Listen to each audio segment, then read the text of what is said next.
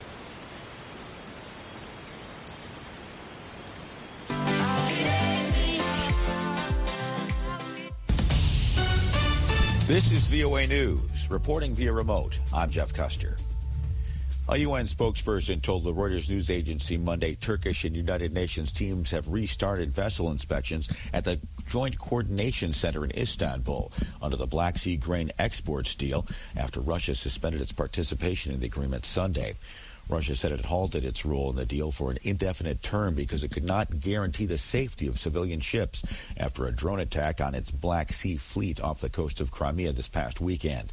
Speaking to VOA's Flashpoint program Monday, correspondent Dorian Jones in London said, despite the UN assurances, grain shipments inspections are continuing, it's unclear what exactly is happening at the Joint Coordination Center and what the international delegations who run it are doing.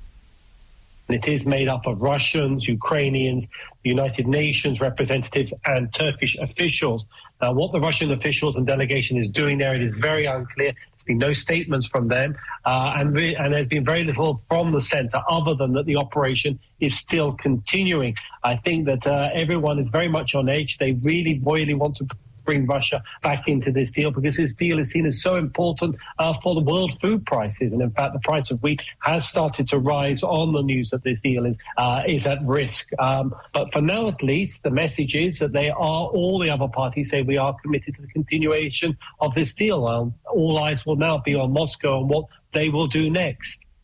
Since the grain deal was implemented in July, more than 9 million metric tons of grain from Ukraine has moved through the center. Meanwhile, Russian missile strikes on electrical infrastructure continued in Ukraine's capital, Kiev, overnight and elsewhere. Kiev Mayor Vitaly Klitschko said the strikes left some 80% of Kiev residents without water. This is VOA News.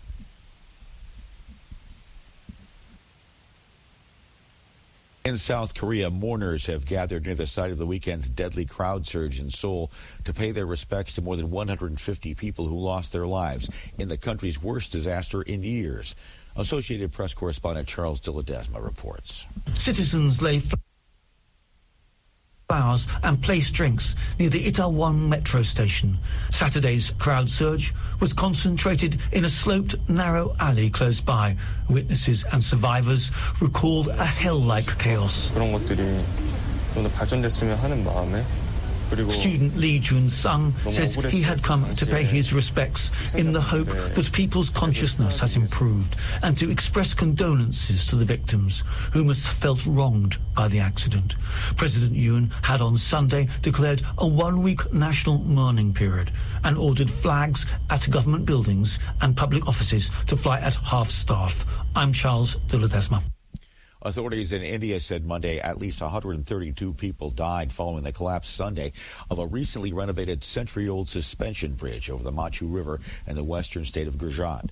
Many people have been hospitalized, and officials say they fear the death count is likely to rise. Dozens of people were rescued, but the river's muddy waters are hampering operations. Police said Monday they've arrested at least nine people connected to the renovation and management of the bridge. Local media reports Monday said that nearly the nearly 150 year old bridge opened five days ago after undergoing seven months of repair work by a private firm. The report said the Morby City Bridge had not, however, received the local government's fitness or safety certificate. Hundreds of people crowded onto the bridge during celebrations for the Hindu festival of Diwali. Emergency workers and teams of military personnel were deployed to the site to help in the rescue operations. Former Brazilian President Luiz Inácio Lula da Silva triumphed over incumbent President Jair Bolsonaro Sunday in Brazil's presidential runoff vote. Da Silva had 50.9% of the ballots, with 99% of the votes counted. Ele- election officials said Lula's victory was a mathematical certainty. Speaking to supporters Sunday, President-elect Da Silva said the, the election is finally at an end. It was feared the far-right Bolsonaro would challenge the results of the election. But while he did not acknowledge defeat Sunday, the day before the runoff vote, he said that there is not the slightest doubt whoever has more votes will take the election. Although Silva is widely known for lifting millions of Brazilians out of poverty during his presidential tenure, Bolsonaro's tenure in office was marked by his far right politics, his mocking of the COVID 19 pandemic, the deforestation of the Amazon rainforest, and rampant inflation. For more information on this story and all the stories we're covering, please see our website, voanews.com. Reporting via remote, I'm Jeff Custer. This is VOA News. VOA 1.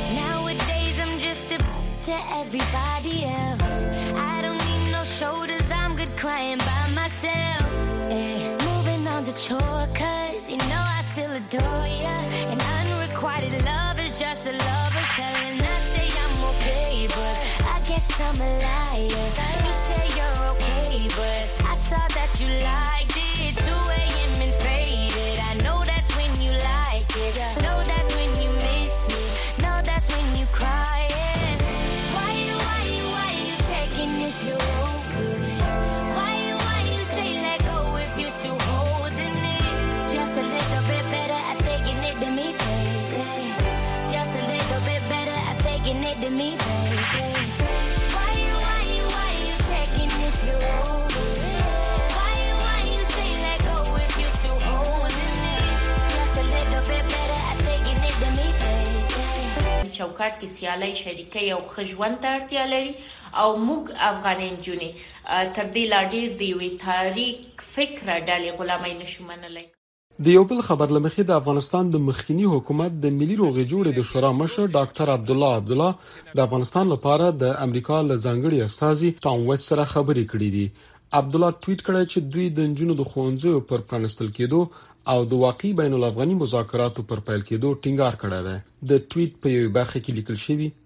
موږ له شپږم ټولګي پورته د نجونو د ښوونځیو پر پرانستل کېدو ټینګار کړی ځکه چې دا یو اړتیا او د افغانانو غوښتنه ده د دې لپاره چې شته ستونزې حل شي او ملي ثبات رامنځته شي موږ د یو واقعي ملي ډایلاګ پر پیل کېدو ټینګار وکړ عبدالله عبدالله د امریکا د بشري مرستو د دوام هرکلی کړی دی. د عقیدتي، ګروپي، سازماني او حزبي دلایلو پر بنسټ دوی نشي کولای چې ځان پر خلکو باندې تحمیل کړي او خپل معیارونه د منافعو په خلاف وکاروي. اوس مهال د افغانستان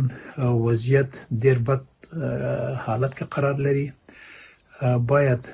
یو مثبت بدلون راشي او دغه مثبت بدلون لپاره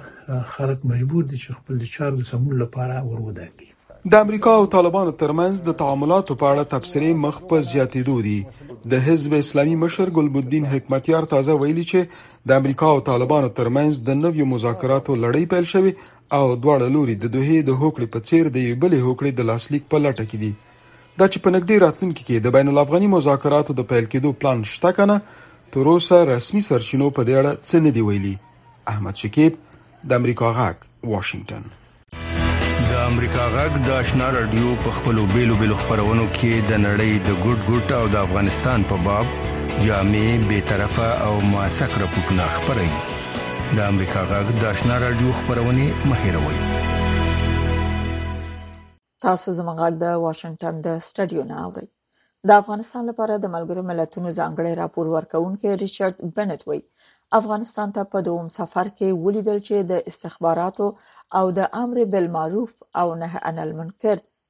ادارو واک ډېر شوی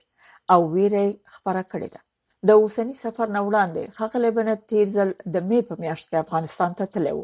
هغه وایي پنجشیر کې ځایي خلک ورته ویلي دي چې د شک په اساس ځورول کیږي او خبریالان په آزاده توګه خبرونه نشي ورکولی. شاهناز نفیس ورسره مرکه کړې او لومړی ترې پوښتلي دي چې د طالبانو تر واک لاندې افغانستان ته خپل دوم سفر څنګه ارزوي؟ زما ارزونه دا ده چې وضعیت جدي دی، افغانستان له دوو بحرانونو سره مخامخ دی، یو بشري شخړه او بل د بشري حقونو بحران او د دې بحران د حل لپاره باید اقدام وشي. زه به ډیر ژور نه ځم، خو زه به یوازې یو څو مسئلې یادې کړم. لومړی او تر ټولو ښه معلومه خبره د ښځو او نجونو وضعیت دی. دوی ډېرې ځورول کېږي او تبعیضي چلند ورسره کېږي او خپل حقوق نه لري حتی که تعلیم وي بیا هم باید ټول حقوق ولري د کار کولو حق په سیاسي ژوند کې په عامه ژوند کې د ګډون حق په سوداګریز ژوند کې د حرکت حق او د بیان ازادۍ حق دا یو ډیره جدي مسله ده چې د افغانستان ماین نفوس اغزمنوي بیا موږ یو لړ نور مسایل لرو د اقلیتونو حقونه او په ځانګړي توګه د هزارګانو هزاره وګړي تر ډیر فشار لاندې دي او دا ډیره د اندېښنې وړ ده مونږ یو ټول شموله هواد او یو ټول شموله حکومت اړتیا لرو او دا مهال په افغانستان کې دا شتون نه لري همدارنګه د رسنیو پر ازادۍ او د بیان پر ازادۍ او معلوماتو ته د لاسرسي د محدودیتونو په اړه هم ډېر اندېښنې موجودې دي As you said, uh, Mr. Barrett, that was your second visit to Afghanistan. لکه څنګه چې تاسو وویل ښاغلی بنټ دا افغانستان ته تاسو دویم سفر وو او تاسو لومړی لیدنه د مې په میاشت کې و نو آیا تاسو په دې پنځو میاشتو کې کوم مثبت بدلون لیدلې ځکه موږ ولیدل چې په دې پنځو میاشتو کې د نړیوالې ټولنې لخوا پر طالبانو ډیر فشارونه وو په دویمه لیدنه کې ما ولیدل چې په بهرنیو چارو وزارت کې د بشري حقوقو او د ښځو د نړیوالو چارو په برخه کې یو څانګه جوړه شوې ده او په یو شمېر نور وزارتونو کې د بشري حقوقو څانګه جوړه کړې او زه فکر کوم چې دا څانګه د جمهوریت په وخت کې هم وي نو شاید دا یو څه مثبت ګامونه دي چې دوی پورته کړي دي دا به خوي ک دوی د افغانستان د بشري حقوقو خپلواک کمیسیون هم پر ځای کړي دا به ولیدل شي چې دوی په دغه کار وکړي او په سني پړاو کې دوی لګ تر لګ یو څه رامنځته کړي دي خو د دې سازمانونو څخه ستاسو تمسه ده ځکه چې راپورونه خدا وایي چې طالبان له بشري حقوقو څخه سرغړونه کوي او دا ادارې د طالبانو تر نظارت لاندې کار کوي دا ډېره رښتیا ده او خپلواکه څارنه او پلټنې ډېرې مهمې دي له همدې امله موږ د خپلواک کمیسیون د لمنځه وړلو په اړه خورا اندېښمن یو د بشري حقوقو کمیسیون د طالبانو او د خځو چارو وزارت لخوا لغوه شو نو دا به ولیدل شي چې دا ادارې څومره فعال دي البته د نړیوالو حکومتونو لپاره دا د حوصله خبره ده چې دوی د بشري حقوقو ادارې جوړې کړې دي دا به ولیدل شي چې آیا دوی د بشري حقوقو د ښه کولو لپاره کوم رغند کار کوي بل خبره چې ما د وروستي سفر کې ولیدل هغه دا و چې د استخباراتو د وزارت د مشر او همدارنګه د امر بالمعروف او نهی عن المنکر د وزارت نفوذ مضبوط شوی دی او خلک له دې وزارتونو څخه په ویره کې وو دا هغه تاثیر دی چې ما ترلاسه کړ او هغه څه چې خلک ماته وویل دا یو اندېښنه ده دوی باید په افغانستان کې د هر وزارت او د هر چارواکي به سار اختیار ته یو حد وټاکي تاسو د مطبوعاتو د ازادۍ او معلوماتو ته د لاسرسي په برخه کې څه موندلي د مطبوعاتو ازادي هغه برخه ده چې زه یې په اړه اندېښمن یم د رسنیو محدودیتونه د مطبوعاتو د ازادۍ او د بیان د ازادۍ او د معلوماتو په اړه اندېښنې لرو د دې یو بلګه دا ده چې د یو شمیر چاودنو یا ځانمرګ بریدونو او داسې نورو پیښو په اړه چې کله کله یې داعش پړمني او کله یې هیڅ وډله د ذمه اخیستو ادعا نه کوي نو خبريالان وایي چې دوی د ژوندۍ پاتې شوی کسانو سره د مرکو او د ځایونو لیدلو څخه د دې پیښو په اړه سم راپور ورکولو څخه منع شوی او دا چې دوی حتی دا هم نشي موندل چې څومره خلک وژل شوی یا ټپيان شوی دي او همدارنګه نورو عیني شاهدانو او ژوندي پاتې کسانو ته ویل شوی چې دوی باید له رسنیو سره خبرې ونه کړي نو دا د دې یو بلګه ده چې څنګه په افغانستان کې راپور ورکول محدود ښکاري افغان طالبان طالبانو ستاسو د روستۍ رپورټ په غبرګون کې دا پر دوی بې بنسټه تورونه بللي تاسو څه وایي Well, um, you know, they're entitled to their opinion. دوی د خپل رائے حق لري زه بیا هم د هغه څه په اړه ودرېږم چې ما راپور ورکړی دی یا وایم چې ما د معلوماتو ټولولو لپاره خورا معتبره لار کارولې ده زه د رسنیو پر حسابونو یا ټولنیزو رسنیو پر حسابونو تکیه نه کوم زه د خلکو سره مستقیم خبرې کوم او که چیرې کوم ډیجیټل تایید ته اړتیا وي نو دا هم کوم نو زه هغه څه ته ورګرځم چې زه یې کوم د افغانستان خلک چې زما د راپور په اړه څه وایي هغه مهم دي نه چې یوازې طالبان څه وایي انتظار پای ته ورسید ترنو لیدونکو او اوریدونکو تاسو کولی شئ د امریکا غا ټلویزیونی او رادیوي خبرونه د یاسات ساتلایت له طریقو وګورئ او واورئ د نوي ساتلایت لارې تاسو د آشنا اتصال او کاروان ټلویزیونی خبرونه کتلای هم شئ د امریکا غږ د افغانستان څنګه خبرونه په 398 چنل او د آشنا رادیوي خبرونه په 390 چینل کې اوریدلای شئ لملتيامو د تل پشان مننه تاسو زموږ غږ د واشنگټن د سټډیو نه اورئ د قالینو صادرونکو وی بانکي محدودیتونو او د اوکرين جګړې د افغانستان د قالینو صادرات تر 40% کم کړي دي د صنعت او سوداګرۍ وزارت وایي، تېر کال افغانستان نهه سوه او شل زره متره مربع قالینې بهرنیو هېوادونو ته صادرې کړې وې. په دې اړه نور تفصیل د اکرام شینواري په رپورټ کې اورئ. د کالینو د تولید کوونکو او صادروونکو ټولنه وایي چې د افغانستان پر بانکونو محدودیتونو او د اوکراین جګړې د دغه هېواد د کالینو په صادراتو ناوړه اغېزه کړې او تر څلوېښت فیصدو پورې د کالینو صادرات کم کړي. د دغه ټولنې پنی مرستیال قربان علي جمشیدزاده امریکا غږ آشنا راډیو ته ویل چې د دغه ستونزو لامل د تیر کال پر تله اروپي هیوادو کې د افغانستان د کلونو لپاره تقاضا کمه شوې ده ارقام دقیق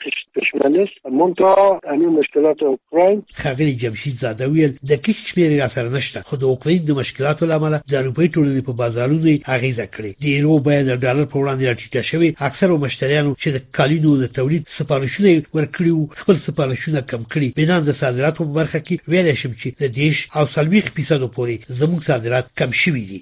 هغه ویل چې د بانکي ستونزو له امله افغان سوداګر دې ته اړ شوي چې لومړی کالیني پاکستان ته صادرې کړي او بیا له هغه ځای نورو هیوادو ته واستوي چې پاکستاني سوداګر هم اکثره دا کالیني د پاکستاني کالینو په نوم بهر ته صادروي اکثریت مشتریایی که ما برشان قالینه به امریکا یا کانادا یا ښاغلي جمشیدي وویل، په امریکا، کاناډا او ایټالیا کې اکثرو مشتریانو ته چې موږ ورته قالینې استوو، موږ ته وایي چې د بانک له لارې تاسو ته پیسې نه شو استولی، تاسو که چیرې د پاکستان له لارې صادرات وکړئ، موږ د پاکستان له لارې کولی شو پیسې در ولیږو، افغانستان ته د بانک له لارې زموږ بانکونه پیسې نه شي استولی او د دې پرته موږ د حوالې له لارې پیسې نه شو درته استولی. د قالینو د تولید کوونکو او صادروونکو د ټولنې مرستیال وایي چې که څه هم پاکستان پاکستان کې تر پنځوس فیصده پورې د کلونو سوداګر افغانان دي چې په پېښور او لاهور کې ګودامونه او دوکانونه لري خو د دې سره سره له پاکستان څخه بهرنیو هېوادو ته د افغانستان قالینې د پاکستاني قالینو په نوم هم صادرېږي خو ښاغلی جمشید زاده وایي دا قالینې د پاکستان په نوم که هم صادرې شي په بهرنیو هېوادو کې د قالینو سوداګر د افغانستان د تولید شوو قالینو د بڼې او تولید سره اشنا دي کسان بله صادر میشه پاکستان و کشورهای دیگه اما ښاغلي جمشید زاده وویل، نورو هېوادو ته د پاکستان په نوم صادرېږي، خو د افغانستان کالیني سوداګر د افغانستان د کالینو په نوم پلوري او د کالینو نړیوال مارکیټونه هم په بشپړ ډول د افغانستان کالیني پېژني، که پاکستاني یا هم ایراني سوداګر یې وپلوري فرق نه کوي. د افغانستان د صنعت او سوداګرۍ د وزارت د معلوماتو له مخې، تېر څوارلس اوم لمریز کال کې افغانستان څخه بهر ته نهه سوه شل زره متر مربع کالینې صادرې شوې وې. چې زیاته برخه یې لومړی پاکستان او متحده عربي اماراتو او بیا له هغه ځایه امریکا، کاناډا، ځینو اروپايي هېوادو، اسټرالیا او چین ته صادرې شوې وې. د دغه وزارت ویاند اخوندزاده عبدالسلام جواد امریکا غږ اشنا راډیو ته وویل چې د روان څوارلس سوه یوم لمریز کال په لومړیو شپږ میاشتو کې درې سوه زره متر مربع کالینې بهر ته صادرې شوې دي. چشم آی نخست انسان نیست. ښاغلي جواد وویل، سږ کال په لومړیو شپږ میاشتو کې درې سوه زره متر مربع کلیني مختلفو هېوادو ته د پاکستان او متحده عربي اماراتو له لارې صادرې شوي دي او دا لړۍ لا روانه ده. ادامه داره. د کلینو صنعت په افغانستان کې د ډېرې اوږدې مودې راهیسې په ځانګړي ډول د دغه هېواد په شمال، لوېدیځ او مرکزي ولایتونو کې رواج لري. خو په تیرو درې لسیزو کې د دغو ولایتونو سربیره د کابل او د ننګرهار په ولایتونو کې هم ډیرې د کالینو اوبدلو ته مخه کړې ده او د دغې لارې خپل کورنیو ته روزي ګټي کالینو د تولیدونکو او صادرونکو ټولنې د معلوماتو له مخې اوسمهال په افغانستان کې یو اعشاریه دوه میلیونه خلک چې اتیا فیصده یې ښځې دي په دې صنعت کې کار کوي د امریکا غږ آشنا رادیو درنو اوریدونکو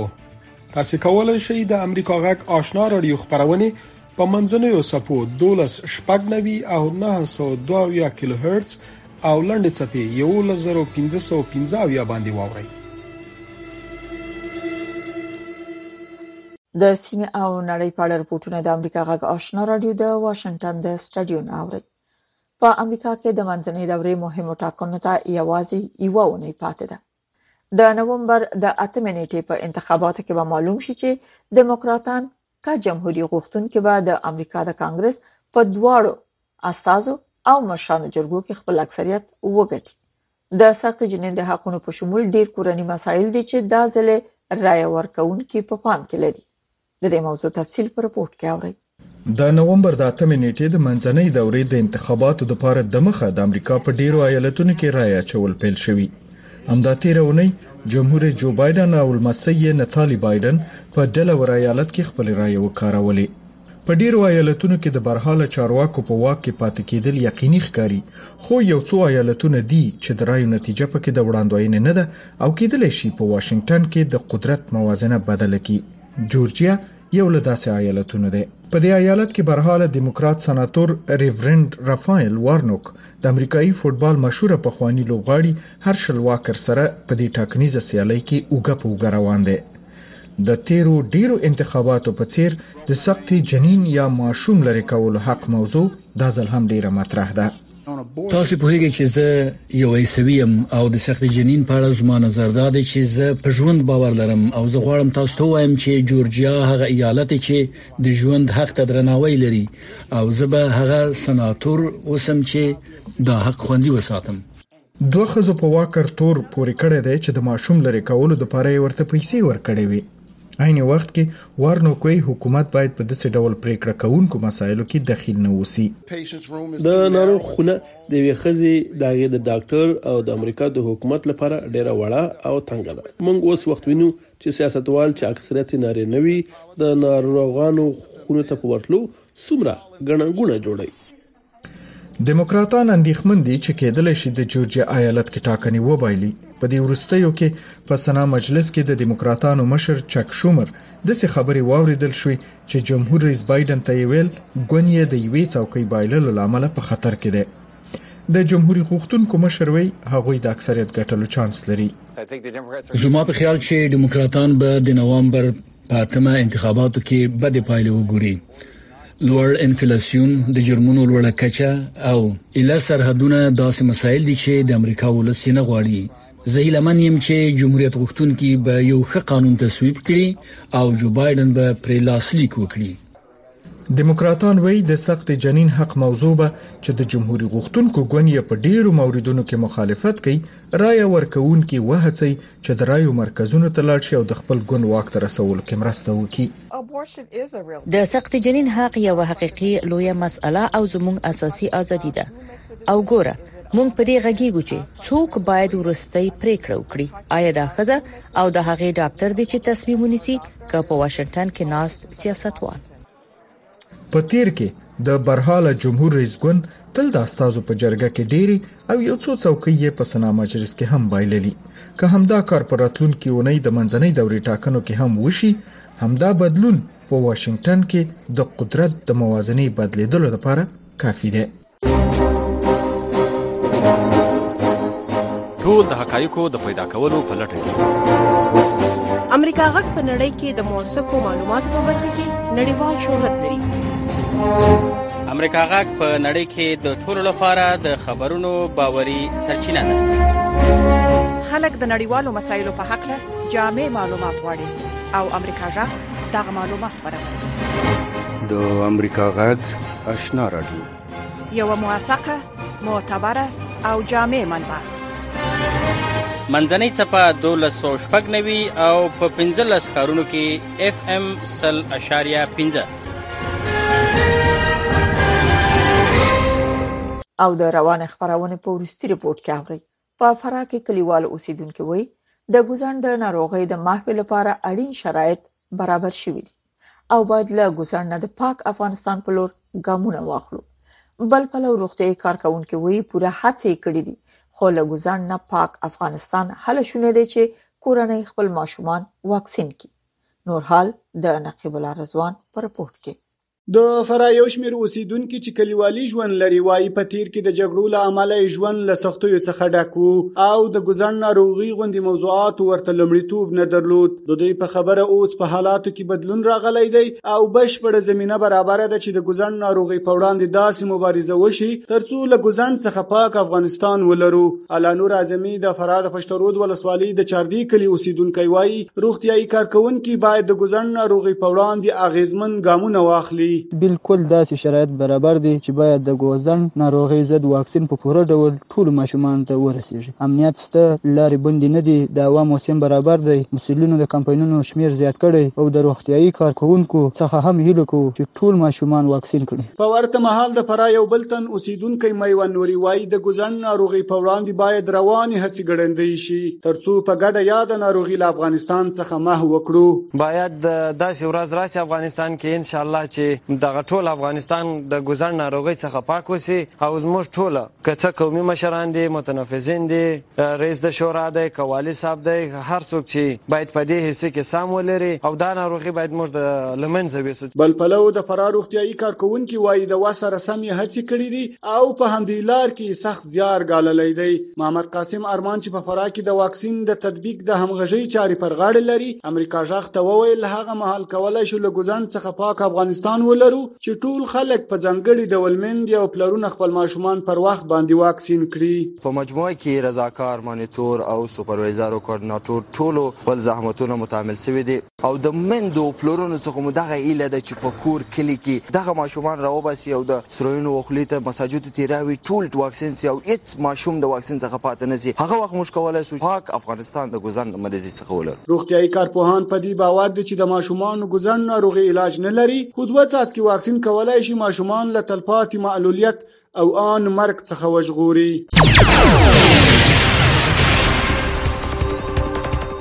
درنو اوریدونکو پام وکړئ د خبرونو لنډیز ته. د کوچنیانو د خوندیتوب نړیواله موسسه په افغانستان کې په خوارځواکۍ د اخته کوچنیان شمېر نږدې پنځوس سلنه د زیاتېدو خبر ورکوي. د بخښنې نړیوال سازمان طالبان د ښځو د اعتراضونو په ځپلو او هغوی ته په سپکاوي کولو تورن کړي. د دې سازمان د افغانستان څانګې کمپاینرې سمیرا حمیدي ویلي چې طالبان هڅه کوي وښیي چې بشري حقونه یې نه دي نقض کړي. او دا چې ښځې له کومې ستونزې پرته پوهنتونونو ته ورځي. د افغانستان د تېر جمهوري نظام د ملي مصالحې عالي شورا مشر عبدالله عبدالله وايي، د افغانستان لپاره د امریکا د متحده ایالاتو له ځانګړي استازي تام وېسټ سره یې د نجونو د منځنیو ښوونځیو او لیسو پر بیا پرانیستلو ټلیفوني خبرې کړي. د طالبانو حکومت هند سره د سوداګرۍ د ودې لپاره هغه هوایي دهلیز بیا پرانیستی چې په دوه زره نولس کال کې یې د پخواني ولسمشر محمد اشرف غني حکومت بنسټ ایښی و. نن په کابل کې یو شمېر افغان مېرمنو او نجونو د یوې اعتراضیه غونډې په ترڅ کې له طالبانو د کار او تحصیل د حق غوښتنه کړې. د دغه خوځښت مشرې مونسې مبارز د دغه اعتراض په اړه ازادۍ راډیو ته ویلي، د اعتراض کوونکو شمېر لسګونو ته رسېده. د هند په ګجرات ایالت کې د یوه پله د نړېدو په پېښه کې د مړو شمېر د رویټرز اژانس په حواله یو سلو دوه دېرش ته لوړ شو. د فلیپین کې د وروستي توپان له کبله د مړو شمېر اته نوي ته پورته شوی. ټاکل شوې د افغانستان د کرکټ ملي لوبډله د شل اوریزه کرکټ نړیوال جام سیالیو په دوام سبا له سریلانکا سره لوبه وکړي. له دې وړاندې د افغانستان وروستۍ دوه لوبې له نیوزیلینډ او آیرلینډ سره د باران له امله ترسره نه شوې او هرې لغوه شوې لوبې څخه ټولو لوبډلو یو یو امتیاز ترلاسه کړ. درنو اوریدونکو خبرونه په همدې ځای پای ته ورسیده مننه چې د امریکا غږ آشنا